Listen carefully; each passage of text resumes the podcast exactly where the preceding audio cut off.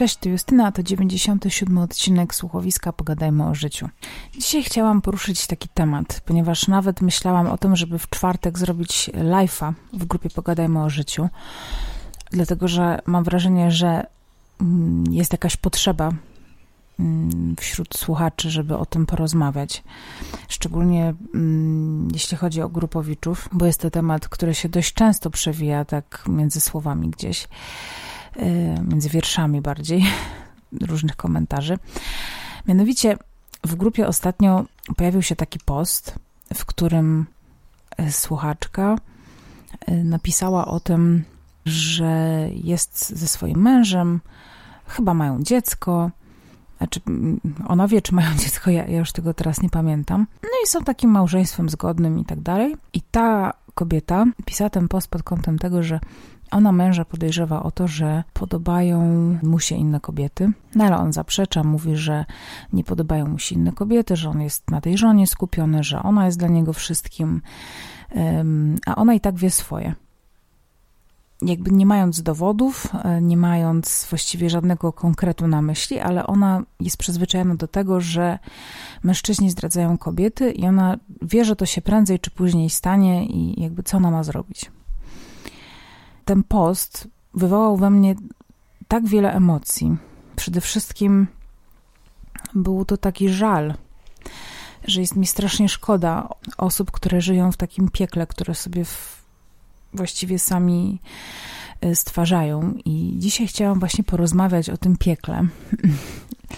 I o czymś takim jak samospełniająca się przepowiednia czy proroctwo. Takie pojęcie funkcjonuje od wielu, wielu dziesiątek lat w psychologii, w ogóle tak w takim codziennym życiu. I choć trudno sobie wyobrazić, jak można przepowiedzieć jakąś przyszłość, e, że to się wydaje nierealne, to tak naprawdę mechanizm jest bardzo prosty i bardzo łatwo jest wywołać pewne zachowania u osób E, u których właściwie ich nie chcemy. I nie chcę tutaj, broń Boże, e, robić odcinka, który będzie jakimś takim sądem nad kimś, bo absolutnie jestem od tego daleka, a poza tym sama kiedyś w podobny sposób żyłam i myślałam i, i wiem, jakie to jest piekło dla samych siebie i pewnie też dla bliskich.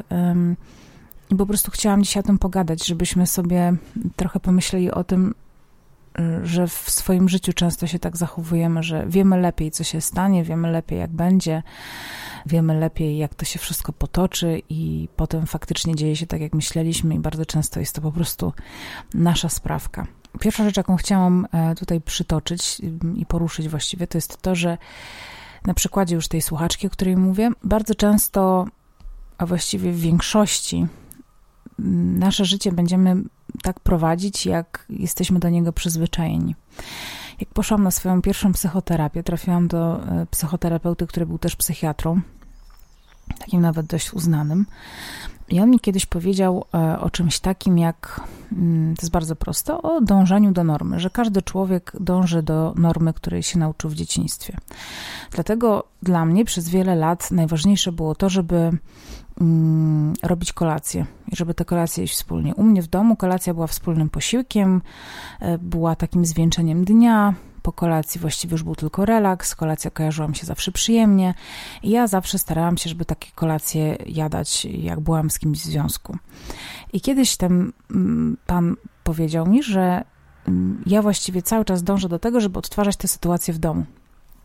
Bo tam miałam jakiś problem, że, że, że tam chłopak, z którym akurat wtedy byłam, właściwie miał to w dupie, ja to traktowałam strasznie osobiście, w ogóle nie byłam w stanie jakby sobie tego przetłumaczyć, dlaczego to było dla mnie takie ważne i to się stało właśnie podczas terapii. I on właśnie mi wytłumaczył wtedy, dlaczego mi tak bardzo na tym zależy, żebyśmy te kolacje jedli, że to nie chodzi o to, że to jest po prostu jedzenie wspólne, tylko to jest właśnie odtwarzanie tego, co mi dawało poczucie bezpieczeństwa i tak dalej.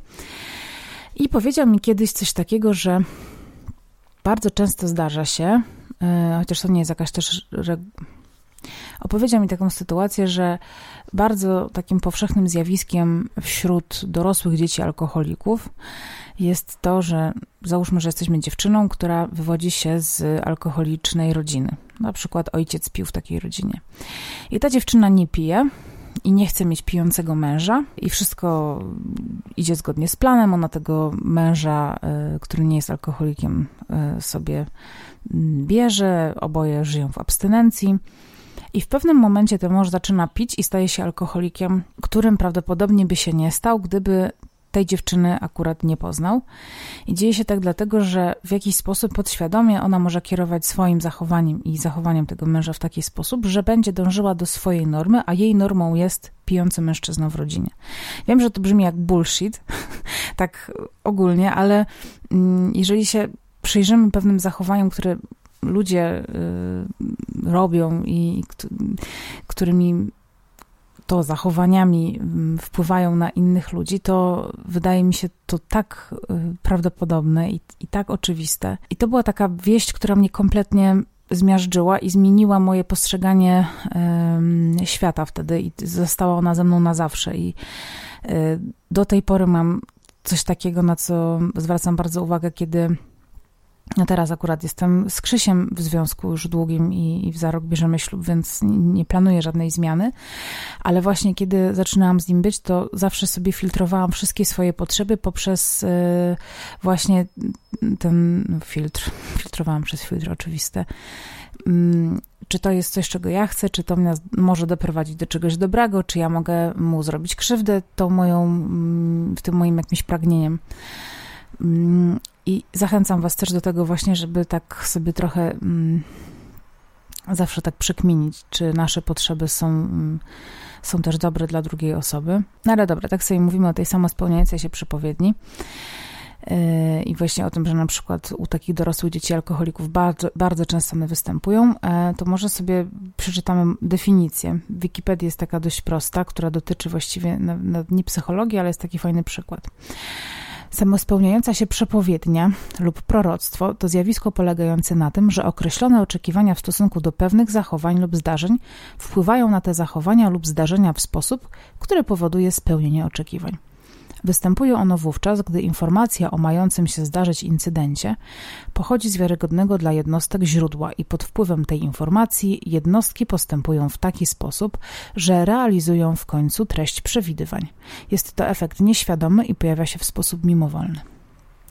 Przykładem samospełniającej się przypowiedni może być plotka o tym, że dany bank w najbliższym czasie z powodu problemów finansowych upadnie. W wyniku rozchodzenia się tej informacji wśród klientów banku pojawić się może zjawisko owczego pędu, gdy klienci wierząc w plotkę zaczynają wypłacać złożone w nim oszczędności. Rezultatem takiego działania jest wyprowadzenie pieniędzy z banku i doprowadzenie go do upadku. Co na takie życie osobiste przekłada się w taki sposób, że dziewczyna z pijącej rodziny mm, może partnera swojego, który jest niepijący, cały czas podejrzewać o to, że będzie chciał się napić, że będzie chciał się napić, że przecież wszyscy mężczyźni lubią pić, e, że ona wie już, jak to jest e, żyć z alkoholikiem i tak dalej, i tak dalej. on w pewnym momencie może właśnie mm, zacząć o sobie myśleć w taki sposób, że przecież on faktycznie ma jakiś problem, może go do, doprowadzić do jakiegoś stresu, który będzie skutkował tym, że on zacznie na przykład ten stres zapijać w jakiś sposób i tak dalej, i tak dalej.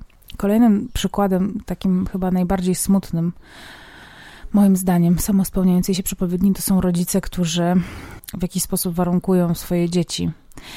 I na przykład y, są rodzice, który, którzy chcą mieć y, dzieci geniuszy, dzieci, które się świetnie uczą i stosują taką metodę nie wzmacniania pozytywnego, tylko właśnie cały czas kar i takiego mm, wpędzania te dzieci w poczucie winy. Czyli na przykład dziecko przynosi piątkę minus albo czwórkę plus i słyszy, że jesteś osłem, jesteś głupkiem, jesteś najgorszy, mm, a dziecko na przykład tak naprawdę w takim, w takim laboratoryjnym stanie jest bardzo zdolne i bardzo otwarte i świetnie się uczy nie ma problemu z koncentracją, także po prostu jest optymalne do tego, żeby zostać bardzo, bardzo dobrym uczniem. I słysząc cały czas te y, niezadowolenie rodziców, te wszystkie inwektywy na swój temat, to, że jest głupkiem, że sobie nie poradzi, że jest beznadziejny, zaczyna w ten sposób się zachowywać.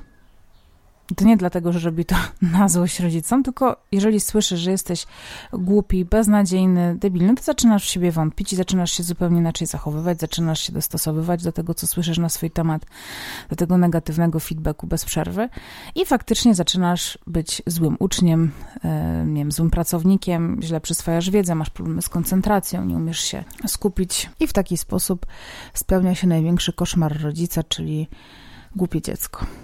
Dlaczego o tym dzisiaj mówię? Dlatego, że bardzo często wydaje nam się, że dość niewiele od nas zależy, że nie mamy wpływu na innych ludzi. I to jest prawda. Nie możemy oczekiwać od drugiego człowieka, że się zmieni, nie możemy oczekiwać e, tak na dobrą sprawę tego, że coś za nas zrobi, że nie możemy też za bardzo uzależniać swojego szczęścia od innych ludzi. Oczywiście mówię o takich bardziej związkowych sytuacjach, bo w momencie, kiedy, nie wiem, mamy dziecko i to dziecko jest chore, no to wiadomo, że nie będziemy raczej szczęśliwi, bo mm, jest to tragedia wielka i będziemy się zawsze martwić. No, wiecie mniej więcej o, o czym w tym momencie, mm, jakby co mam na myśli, jak, jakiego typu relacje. Natomiast jest tak, że naszym zachowaniem mamy olbrzymi wpływ na innego człowieka. I bardzo często potrafimy ludzi, tak jak potrafimy ich zmotywować, potrafimy ich wesprzeć, e, pomóc im w rozwoju, tak bardzo często nasza postawa może mm, osiągnąć odwrotny efekt, może danego człowieka unieszczęśliwić, mimo że nie mamy kompletnie takiego zamiaru.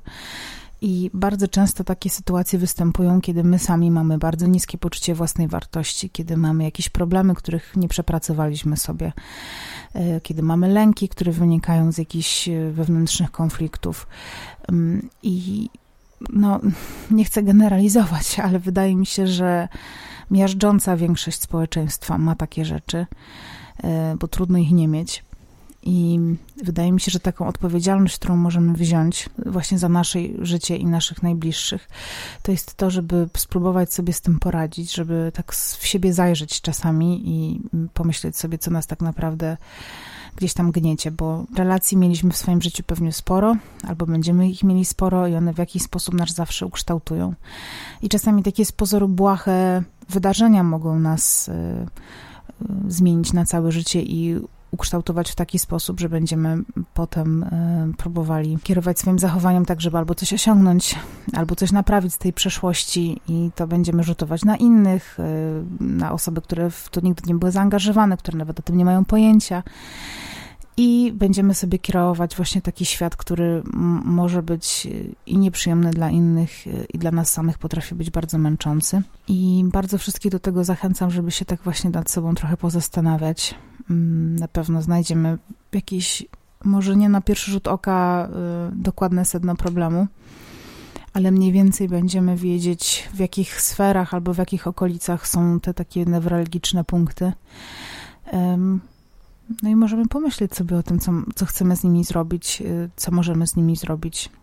Czy one faktycznie w tym momencie nam bardzo przeszkadzają, czy mm, one mogą rzutować na kogoś innego, y, na kim nam zależy, i spróbować usunąć te punkty zapalne w taki sposób, że po prostu je sobie gdzieś rozwiążemy, czy, czy stosując najpierw jakieś samodzielne metody jakiejś takiej autorefleksji, y, czy może po prostu w jakimś gabinecie spokojnym. Nawet niekoniecznie to musi trwać dwa lata, ale czasami po prostu kilka spotkań jest w stanie rozwiązać jakiś mocno zaciśnięty supeł. Mm, a taka podróż w głąb siebie jest naprawdę fascynująca. I nawet ostatnio mam kontakt z osobą, która była zawsze bardzo przeciwna, e, nie wierzyła w e, różne e, psychoterapeutyczne metody i w tym momencie od właśnie kilku tygodni jest absolutnie zachwycona tym, co się dzieje i jakie rzeczy mm, odkrywa i, i co tam właściwie jest pod powierzchnią. Jest to tak taka świadomość, że robi się dla siebie coś dobrego i przez to też dla bardzo bliskich osób y, pośrednio przez to się właśnie robi coś dobrego, jest naprawdę fajna i i to wszystkim zawsze będę polecać. Krzysiek się zawsze ze mnie śmieje, że ja to bym mogła mieć po prostu taki bloczek mm, z receptami na po pierwsze na terapię, a po drugie na zbadanie cukru i insuliny, bo tak wszystkich zawsze wysyłam na badanie cukru i insuliny i wysyłam ich na psychoterapię, ale naprawdę uważam, że większość ludzi powinna być na psychoterapii chociaż raz w życiu. To jest tak jak u dentysty, tak jak e, u kardiologa, jak u internisty. Po prostu trzeba sobie iść, przegadać e, kwestie procesora i komputera i pamięci RAM i w ogóle dysku i wszystkiego, żeby dobrze funkcjonować. Także dzisiaj, dzisiaj Was tak zachęcam do tego, żeby sobie trochę pomyśleć o tym, jak się czujemy, jak tworzymy relacje z innymi ludźmi, czy nie jest przypadkiem tak, że rzutujemy na nich jakieś swoje własne lęki i ukryte pragnienia, przez co mogą być troszkę poszkodowani. Albo na przykład nie do końca zasługują na to, albo że to po prostu nie do końca jest fair, żeby na nich to wszystko zrzucać. I tyle. Ale oczywiście nie mówię tego, żebyście wy teraz byli zdołowani, tylko tak, taki, taki mały daję drogowskaz, że może tutaj warto zajrzeć, coś zrobić, a może być naprawdę cudownie. Tymczasem e, ściskam Was bardzo mocno. Dziękuję Wam za wysłuchanie dzisiejszego odcinka. E, najbliższe dwa odcinki to będzie 100 faktów o mnie.